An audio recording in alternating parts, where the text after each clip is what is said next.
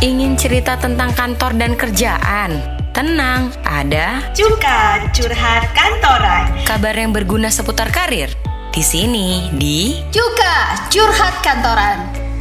Hari ini di Cuka Curhat Kantoran Ada empat kesalahan ketika ingin promosi diri untuk mendapatkan pekerjaan impian Nah ini setiap orang tuh punya keunikan yang beda-beda gitu Makanya kenapa kita mesti tahu dulu nih Supaya yang terpancar tuh confidence-nya waktu jual diri tuh memang apa adanya gitu Otentik gitu Bukan sesuatu yang dibuat-buat Dan curhatan tentang karyawan baru yang merasa kurang berkembang Jangan-jangan biasanya kalau orang yang setahun kerja ini ada masih dalam tahap perkenalan, masih dalam tahap malu-malu. kita merasa kok kayak nggak ditanya bos, kok kayak nggak diinin bos. Padahal sebenarnya kitanya harus lebih aktif. Halo semuanya, hai selamat datang lagi kita di Cuka nih Curhat kantoran Biasa waktunya untuk saling curhat Ada Marlin sih di sini Dan pastinya itu Halo, Si itu ada saya, Prita Laura juga di sini. Di sini ajaknya kita bisa gibah, bisa curhat soal kantor ya. Iya Tapi dong. percaya deh kalau gibah atau curhat di tempat cuka curhat kantoran ini pasti ada hasil-hasil positif, ada solusi-solusi gitu. Iya dong. cuman gibah semata gitu. Kita bikin ini spesial di awal tahun buat teman-teman cuka eh, mengenai kita akan mengupas mengenai bagaimana menjual diri begitu ya di Yes. dunia profesional karena bagaimanapun kan kita nih pengen ada yang pengen meningkat karirnya ada yang lagi cari kerjaan di masa pandemi ini ada yang pengen develop karir gitu ya di tahun 2021 ini Pengen dapat promosi, pengen disayang bos Aduh banyak ya Nah, pengennya itu. ya Kalau di episode sebelumnya kita udah bahas mengenai bagaimana menjual diri internal ya di dalam kantor Iya. kita. Nah sekarang kita akan mengupas lebih lanjut lagi Nah. nih mengenai bagaimana menjual diri keluar ya. Bagaimana Iya. supaya kita dilirik sama company-company yang bonafit, gimana kita bisa mendapatkan pekerjaan yang kita inginkan, gimana kita bisa mendapat job-job yang wah. Itulah intinya. Pokoknya nanti kita kupas tuntas ya dari mulai gimana caranya kita mempersiapkan CV, mempersiapkan uh, interview ya kan, sama yang intinya menjual diri tadi. Nah, satu-satu tiap episode harus dipantengin, termasuk episode kita kali ini. Ini Tapi penting jangan jangan ke mana-mana dulu karena kita mau masuk ke drakor dulu nih, Prit. Iya, apa nih curhatan hari ini apa nih? Kita dengerin yuk. Nah, kita bacain aja deh langsung ya. Halo Kak Marlin dan Kak Prita, aku udah bekerja nih di kantorku ini selama satu tahun. Tapi aku merasa tuh kok gini-gini aja ya Kak. Untuk gaji sih aku belum ada masalah karena masih single. Cuman aku merasa skillku tuh nggak berkembang. Menurut kakak-kakak aku harus apa ya? Mohon ya kak inputnya. Itu gimana kak inputnya kak Prita? Menurut kak Prita? Nah, kalau gue sih mikir ya, itu kan baru satu tahun. Kalau Baru keluhan- setahun, Say. Iya. Aduh, kalau keluhan itu juga. dilakuin setelah lima, Lima tahun, kerja, tahun. ngerasa Nah. nggak growing, oke deh bisa dimengerti. Iya. Tapi entah mencoba membedah nih ya, Marlin ya. Jangan-jangan biasanya kalau orang yang setahun kerja ini ada masih dalam tahap perkenalan, masih dalam tahap malu-malu. Bisa juga dia tuh pasif, dia tuh pasif, dia kurang aktif bertanya, kurang aktif eh, minta diajarin, kurang aktif misalnya apa Advice, yang minta bisa saya advice, ya. kerjain gitu kan, apa yang bisa saya kerjain, saya bantu apa gitu ya. Karena masih malu-malu itu, akhirnya kemudian ya orang pun akhirnya ya udah ngediamin dia aja udah gitu. Jadi akhirnya dia di situ-situ aja. Nah kalau tips dari aku sih ya be aktif ya. Kalau gue dulu waktu awal-awal kerja ya, kemarin ya gue jadi lawyer gue tuh nekat tau gak sih gue nanya ke bos gue yang paling tinggi apa yang bisa saya kerjain ya gue nekat banget terus akhirnya bos gue gini jadi jadi gue tuh dulu di level gue awal ya gue tuh uh, gue tuh masih internal legal. Jadi gue masih belum boleh ngerjain namanya legal opinion. Terus karena dia bilang nggak ada lagi yang bisa kerjaan dikasih ke gue akhirnya dia coba deh kamu belajar nih bikin legal opinion. Akhirnya gue bikin kerjaan yang kerjaannya senior lawyer. Gue Iya, bikin eh. gitu gue bikin terus ternyata sampai ketika draft gue jadi terus bos gue lihat boleh juga kamu legal opinion. Oke juga, dan akhirnya dia. legal Oh. opinion itu yang akhirnya dikirimin ke klien gue. Gitu. Nah, kepake kan? kepake. Dan gue akhirnya belajar bagaimana membuat legal opinion. Di saat gue masih tahapnya level awal banget untuk satu kerjaan yang senior lawyer yang udah tinggi banget gitu. Karena aktif Iya. minta apa yang bisa gue kerjain. Gitu Nah, kalau dari sisi aku tuh ya, dulu waktu aku pertama-tama kali kerja, ini kan dia tadi bilang kan dia merasa skillnya kok kayak nggak berkembang gitu. Padahal sebenarnya mungkin bukan nggak berkembang ya, tapi growth mindset itu penting loh di tahun-tahun pertama untuk selalu bilang bahwa oh eh, misalkan eh, kita merasa kok kayak nggak ditanya bos, kok kayak nggak diinin bos. Padahal sebenarnya kitanya harus lebih aktif gitu. Jadi kayak kayak apa gue kurang aktif ya? Kalau gue kurang aktif mungkin gue akan melakukan ini besok. Aku mungkin besok gue akan bertanya ini ke bos ke bos gue atau eh, besok-besok gue akan coba untuk eh, menunjukkan inisiatif kerja yang seperti ini. Jadi sebenarnya sih jangan stuck dulu ya. Sayang itu loh belum juga setahun udah merasa kayak eh, nggak berkembang itu kayaknya masih kurang deh ah ya nggak sih Pret? Pret aduh Pret. Nah, coba be aktif ya, coba supaya be aktif dan uh, Iya. pasti deh kalau dengan be aktif banyak yang bisa kamu pelajarin. Semangat. Yes, ya.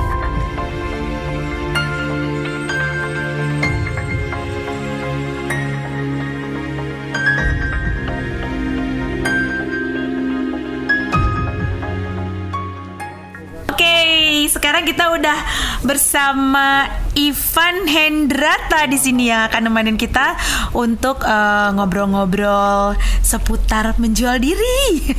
Masih ya menjual diri terus kita ya. Tapi Eh, sekarang kita beda. Episode kita yang sebelumnya kita menjual diri di dalam Iya. kantor. Sekarang kita bagaimana kita menjual diri keluar gitu ya. Tujuannya buat apa? Buat cari kerjaan lah ujung-ujungnya Iya, juga ya. supaya kita juga bisa sukses dapetin kerjaan kita gitu kan. Nah, ada Ivan di sini. Hai Ivan Hendrata. Ivan ini dari Karya Talent. Hai Ivan. Iya, thank you juga udah diundang ke podcast ini. Thank you Ivan udah datang sama kita. Cerita dikit dong Van, karya talent tuh ngapain sih? Eh, jadi kita nih karya talents nih startup di bidang HR yang punya visi tuh untuk menjawab masalah saat ini di dunia kerja kita lihat bahwa banyak orang nih nggak happy dalam kerjaannya gitu. Nah jadi kita mau ba- bantu orang bisa temuin kerjaan yang cocok sehingga bisa mengalami namanya joy at work. Joy at work. Iya, joy Ah. at work. Jadi uh, konsepnya sih pertama orang harus punya self awareness yang kita bisa lihat dari Mm-hmm. assessment, terus upgrade diri di- kita lewat uh, online learning. Terus habis itu kalau ada perlu kerjaan nanti kita juga bisa bantu Nah, cariin penting gitu. banget ini Nah, Prita itu nih. tuh. Karya Nah, talents ya. Soalnya Kalau ada nyari-nyari kerjaan bisa langsung nyari tuh lewat karya karena dia bisa mencarikan kita Iya, ya betul. pekerjaan yang membuat kita merasakan joy at work tadi. Jadi nggak salah gitu ya. Apalagi kan topik kita saat ini adalah kita pengen cari tahu nih Benar. empat kesalahan dalam menjual diri. supaya orang juga ngelihat kita gitu ya. Kalau misalnya kita cara menjual dirinya salah yang ada orang nggak pengen ngelihat kita atau malah enak gitu ngelihat kita. Nah sekarang aja langsung aja kita kulik-kulik nih dari ahlinya. Apa Van menurut lo?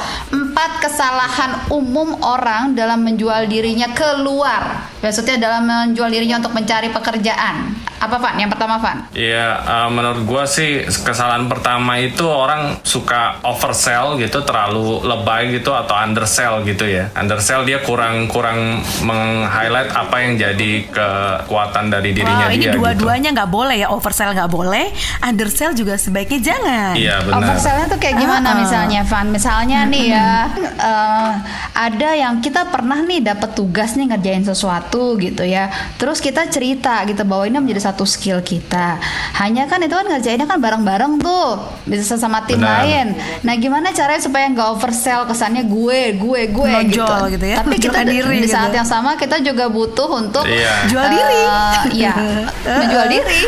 Gimana dong? Sebenarnya sih kita yang yang penting kalau menurut gua kita tuh pertama perlu tahu kenal diri kita dulu ya. Maksudnya sebenarnya kekuatan kita di mana sih gitu. Terus kekurangan kita di mana gitu. Dari situ kalau kita udah kenal kan kita jadi tahu kita bisa kontribusi ke tim itu seperti apa gitu. Nah, jadi waktu kayak tadi misalnya ada tugas nih. Kita tahu sebenarnya walaupun memang kerja tim, tapi kontribusi kita apa gitu di tim itu. Misalnya kalau contoh saya kalau di produk eh, itu bagian yang mikirin nanti gimana nih ke depannya gitu. Eh, gimana kita bisa kembangin produk ini, terus harus seperti apa sih produknya kualitasnya gitu misalnya. Nah, itu saya bisa tahu kontribusi saya soalnya saya eh, ngerti bahwa saya ini waktu itu saya pernah ambil assessment. Jadi bilangnya tuh saya tuh sebagai strat strategic thinker gitu. Nah, jadi itu tuh saya pakai terus. Jadi itu dibawa setiap kali saya ada di dalam satu tim, saya tahu bahwa saya tuh tukang coret-coret tuh biasanya, tukang coret-coret, tukang mikirin ntar ke depannya gimana gitu. Nah, ini setiap orang tuh punya keunikan yang beda-beda gitu. Makanya kenapa kita mesti tahu dulu nih. Jadi supaya yang terpancar tuh confidence-nya waktu jual diri tuh memang apa adanya gitu, otentik gitu, bukan sesuatu yang dibuat-buat gitu. Assessment tuh caranya gimana ya, Van? Apakah kita perlu melakukan satu tes atau perlu atau kita melihat dari riwayat kerja kita atau perlukah kita bertanya kepada orang-orang yang pernah bekerja sama kita,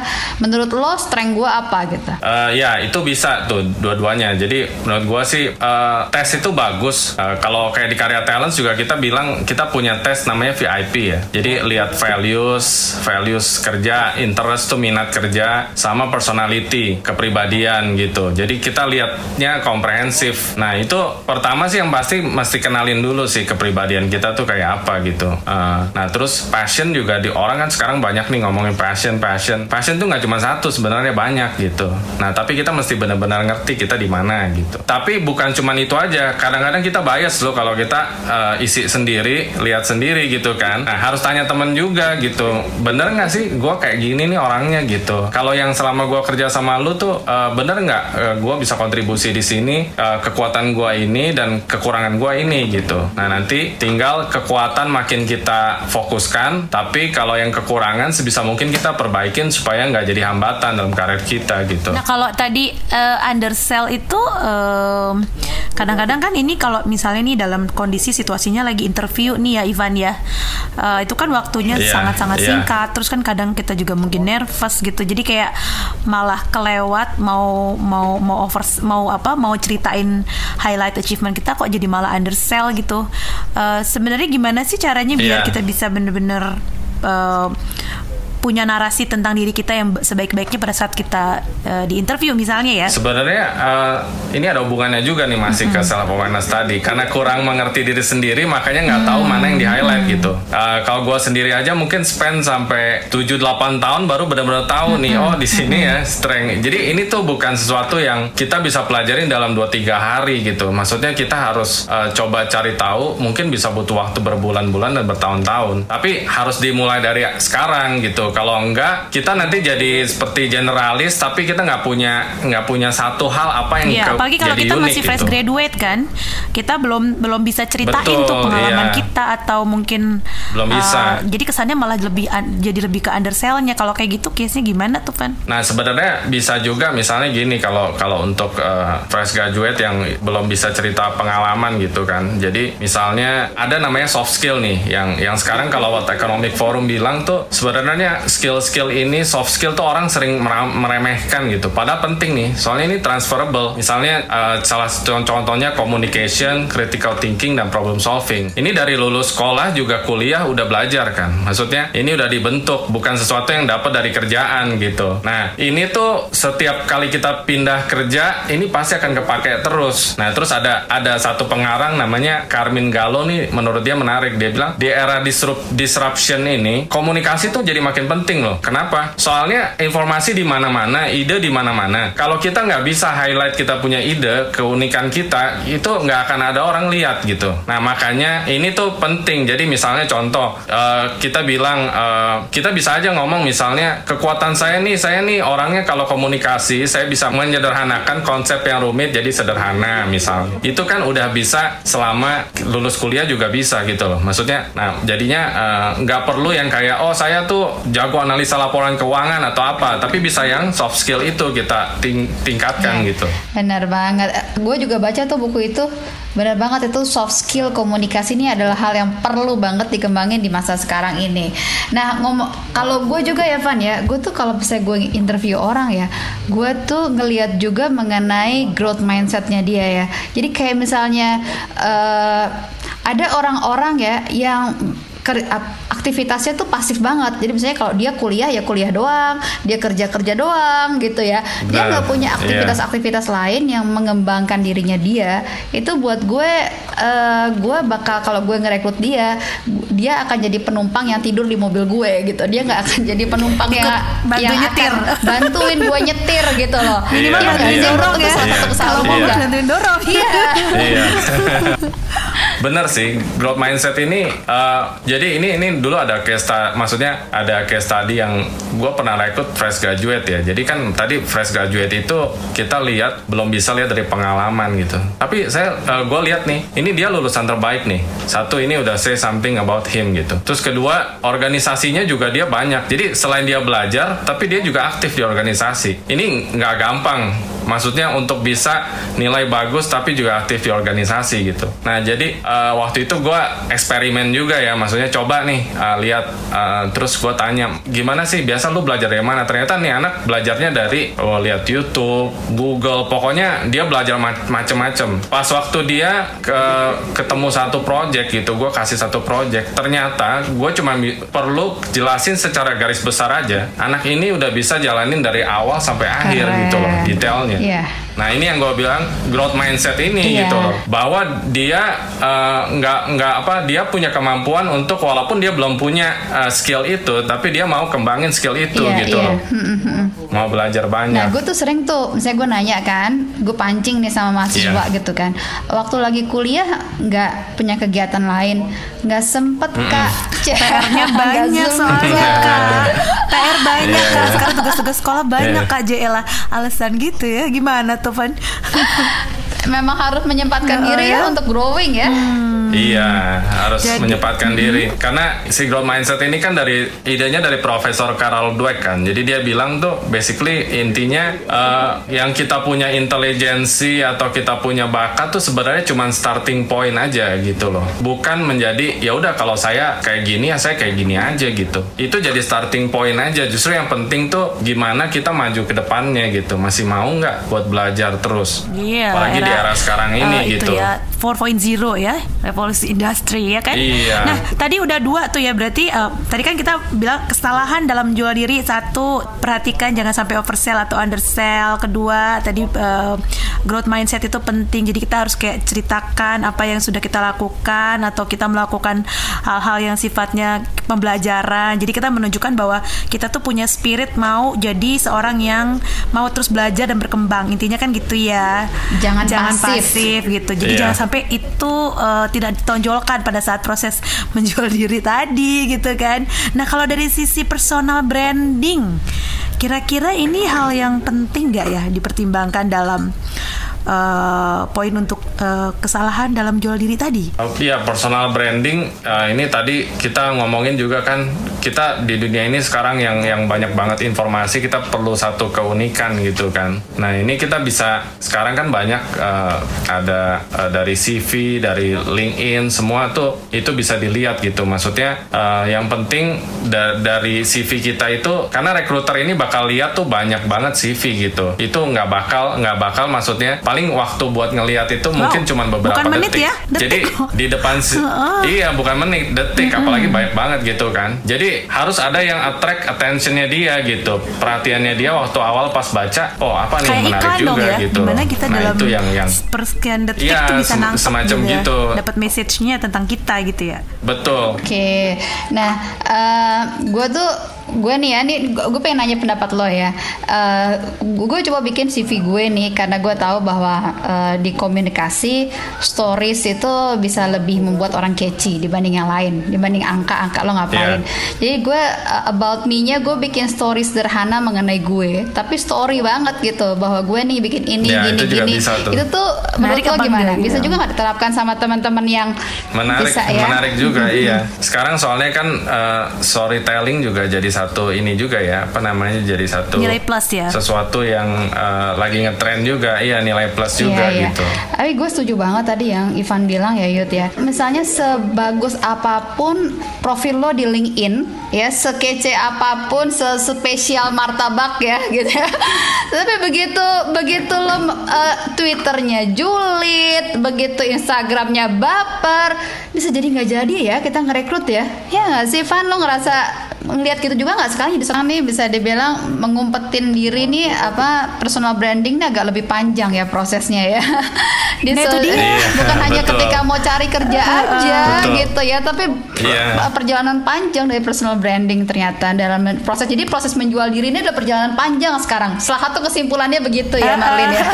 eh satu lagi deh, Iya. Eh, Ivan, kalau emotional intelligence itu diperhatikan nggak sih kalau Iya. pada saat proses eh, kita di eh, menjual diri sama kita direkrut gitu? Iya, emotional intelligence sih termasuk yang tadi itu self awareness kan adalah langkah pertamanya tuh. Iya. Nah, setelah itu biasa eh, kita memang lihat dia dari apa kalau dia udah ngerti dirinya sendiri, dia eh, juga bisa ngertiin orang lain gitu, bisa punya empati. Ini kan salah satu kriteria utama di emotional intelligence gitu kan. Jadi kita lihat juga memang kalau misalnya contoh eh, kalau di karya talent tuh kita kita mau juga orang yang bukan cuman lihat eh, dia itu tadi satu punya growth mindset, punya ambisi gitu. Tapi kita juga mau lihat dia tuh eh, naik atau sukses itu dengan nggak eh, nggak apa nggak injek-injek orang lain gitu. Jadi dia sukses dengan membawa orang lain juga ikut Yeah. sukses gitu. Misalnya timnya sendiri gitu. Ya, jadi ini emotional intelligence di sini nih pentingnya gitu. Bahwa suksesnya tadi personal brandingnya segala itu eh, muncul dari apa dia juga membawa Wow. orang lain maju. dan gitu. membawa bekerja menjadi Ah, bahagia. itu Tadi ya dia. joy at work tadi ya. iya, ujung-ujungnya ke sana. Joy at work. Aduh, thank you banget pembelajaran banyak Iya. loh. Salah satunya tadi adalah bahwa ya menjual diri itu jangan ibaratnya jangan lo ketika mau lo pendekatan aja sama ceweknya. Benar. Lo juga jauh-jauh hari Benar. dong, fitness lah, mandi lah, keramas lah, Benar. gitu Explore, ya. explore. Pakai Benar. deodoran lah gitu Sama ya. explore explore Ya sekitar gitu juga ya. Iya, benar. networknya gimana biar bener-bener Iya. tahu nih karakter ceweknya kayak apa gitu kan ya. Bener. Ini pas banget nih. Iya, bener. Gue suka bercanda Iya. gitu juga. Iya. Thank you banget Ivan, thank you ya sudah sharing sama kita. Thank you banget, Iya, thank you manfaat juga. banget buat kita, terutama juga buat teman-teman ya. Eh, semoga bisa mende- memetik manfaat-manfaatnya agar kita bisa menjual diri lebih baik lagi dan kemudian membangun satu karir yang lebih bagus lagi buat teman-teman ke Sukses depan. juga Semoga. buat Ivan dan Karya Talents ya. Semoga nanti kita bisa Dan Karya kolaborasi Talents ya. lebih jangka panjang Iya, lagi. Oke. Oke, bye. Amin. Iya. Thank you. Thank you. Selesai deh pembahasan kita. Tapi yang paling penting yang bisa kamu tangkap adalah di era media digital seperti saat ini sosial media banyak. Proses kita menjual diri itu bukan proses one off ya. Itu proses panjang karena bagaimanapun jejak kita akan terlihat di dalam jejak digitalnya kita. Jadi kita juga baiknya sih punya personal yang autentik ya, di mana pun kita eh, memuat personal branding kita, menjual diri kita baik itu di platform eh, sosial media maupun di eh, resume atau CV kita juga. Jadi kan kita benar-benar satu kesatuan gitu loh, ya kan? Dan satu lagi sama kayak tadi pesan kita waktu di Drakor adalah aktif, be aktif, be aktif to grow yourself. Karena eh, kalau dia pasif-pasif aja, ternyata itu dilihat loh oleh para pencari kerja ya. Kalau kita cuma sekolah kerja, sekolah kerja, nggak ada aktivitas lain tuh kayak kesannya, ih nggak pakai waktu untuk membangun diri, Iya, Jo. gitu. Nah itu penting juga so ternyata. keep learning ya guys. Oke, kalau gitu kita udahin dulu episode kita yang sekarang nih. Tapi jangan bosan-bosan ya untuk eh, kirim-kirim drakor kamu, drama kantoran kamu, cerita curhat kamu ke curhatkantoran at gmail.com atau yang udah-udah juga banyak eh, kirim DM di Instagram kita di curhat kantoran. Kita pamit dulu dong sekarang. Iya. Kayak, kayak kayak belum pengen pamit deh. Kayak Thank you ya udah dengerin kita. Kita ketemu lagi di episode-episode selanjutnya yang pastinya semoga bermanfaat buat kamu dan sesuai dengan kebutuhan kamu. Jangan lupa kalau punya usulan episode juga tolong Oh iya sampaikan bener ke kita banget. ya. Sampai jumpa. Yeah, see you in the next episode ya. Bye. Bye.